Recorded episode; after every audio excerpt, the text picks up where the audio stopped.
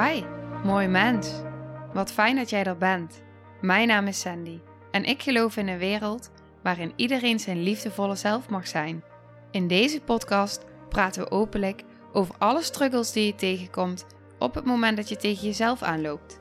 Vanuit mijn kennis en ervaring deel ik levenslessen en geef ik je inspiratie hoe jij vanuit pijn en angst weer voor liefde en vertrouwen kunt kiezen, zodat jij, dwars door het donker, de weg terug kunt vinden naar het licht in jezelf. Welkom bij de Liefdevolle Strijder Podcast.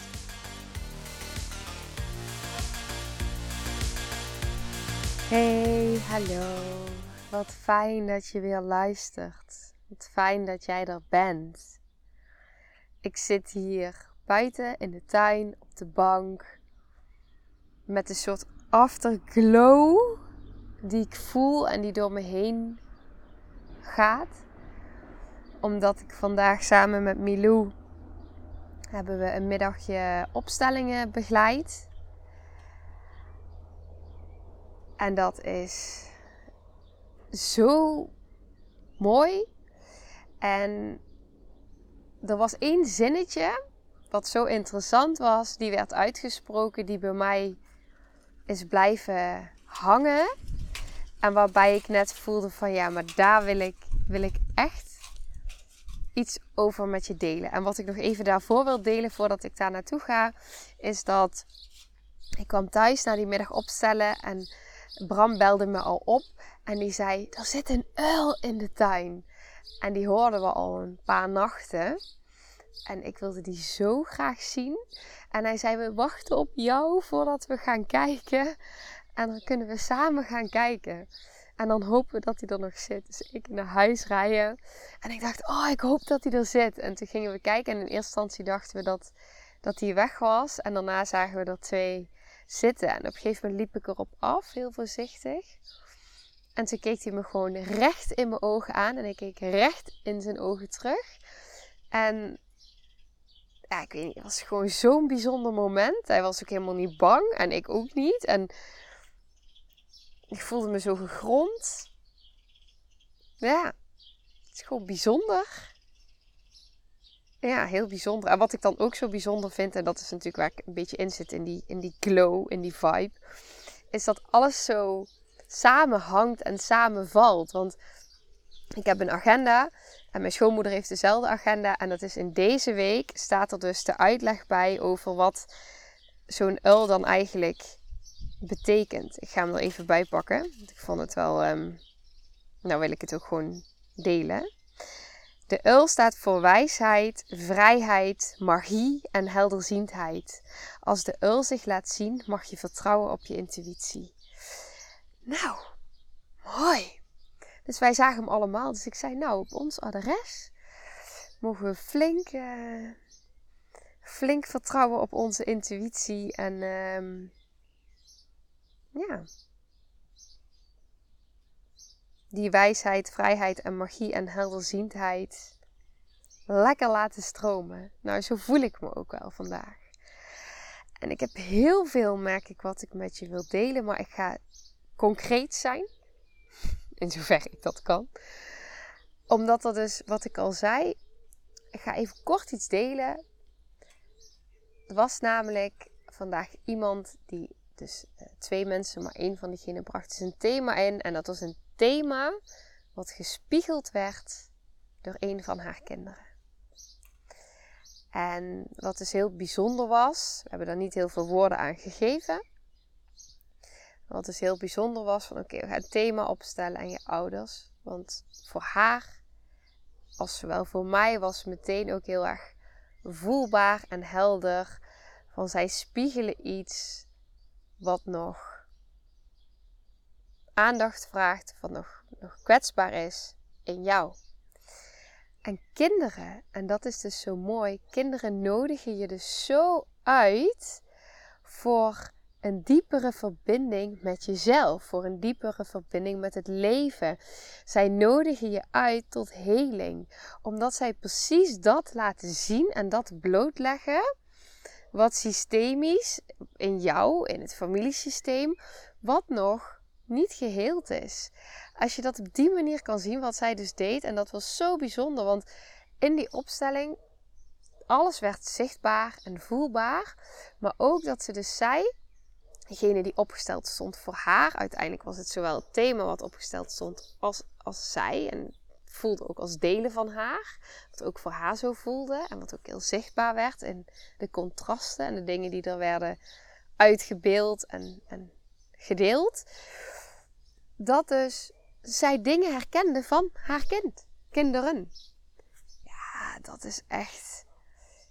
Het is zo intens en zo mooi als je dan die emotie die dat losmaakt en die je dan kan voelen en zo daarbij aanwezig kan zijn bij alles wat er op dat moment in het veld zichtbaar wordt. En dat eigenlijk alles wat jij hebt meegemaakt op dat thema en wat jij voelt, dat dat dan gewoon door mensen die jou niet kennen, die niet weten wat het thema is, die je ouders niet kennen. Het was ook in die zin blind, dus er stond ook gewoon: dit is het thema. Dus niet wat dan hetgene was wat voor haar het thema was, maar alleen het is het thema. En dat het dan zo eh, precies dat laat zien en weergeeft wat in het systeem is.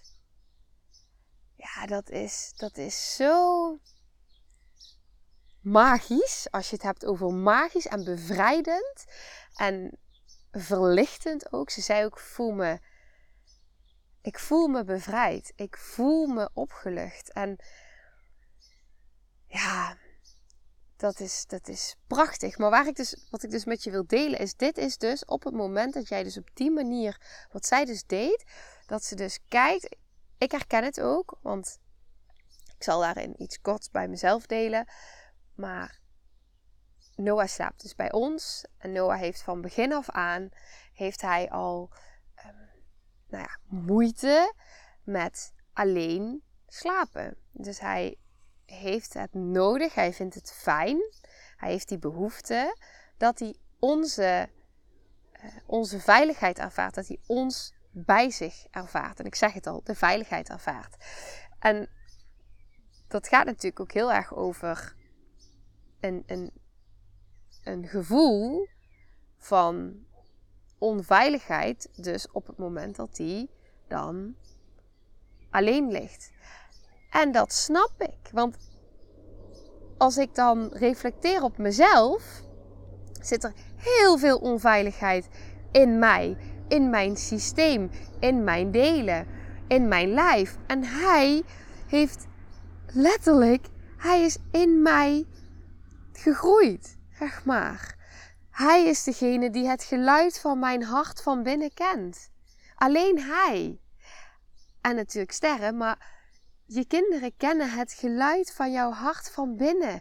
Zij kennen jou. Zij, zij zijn jou. Ze hebben in, jou, in jouw baarmoeder gezeten. Dus weet je, het DNA wordt doorgegeven. Het familiesysteem werkt door.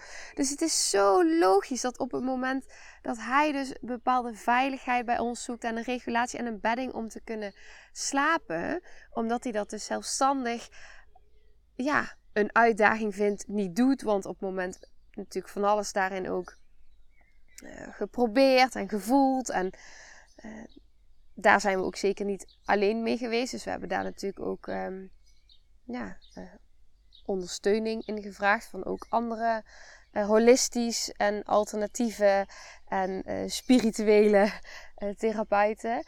En het gaat zo ook over die stukken. En op het moment dat je dan dus zo bereid bent om dus te kijken van wow, maar wat, weet je, wij hebben daarin dus ook van, van mijn ziel naar zijn ziel gesproken. Van weet je, mama die heeft nog stukken aan te kijken in zichzelf. En mama kan zichzelf dragen. En dat is haar lot. Maar als kind ben je zo loyaal al. Dat, dat, dat begint al zo vroeg. Dat begint al in die baarmoeder. En nou ja, ik dwaal een beetje af, omdat dit natuurlijk uh, ja, dit is het voorbeeld wat in mij opkomt.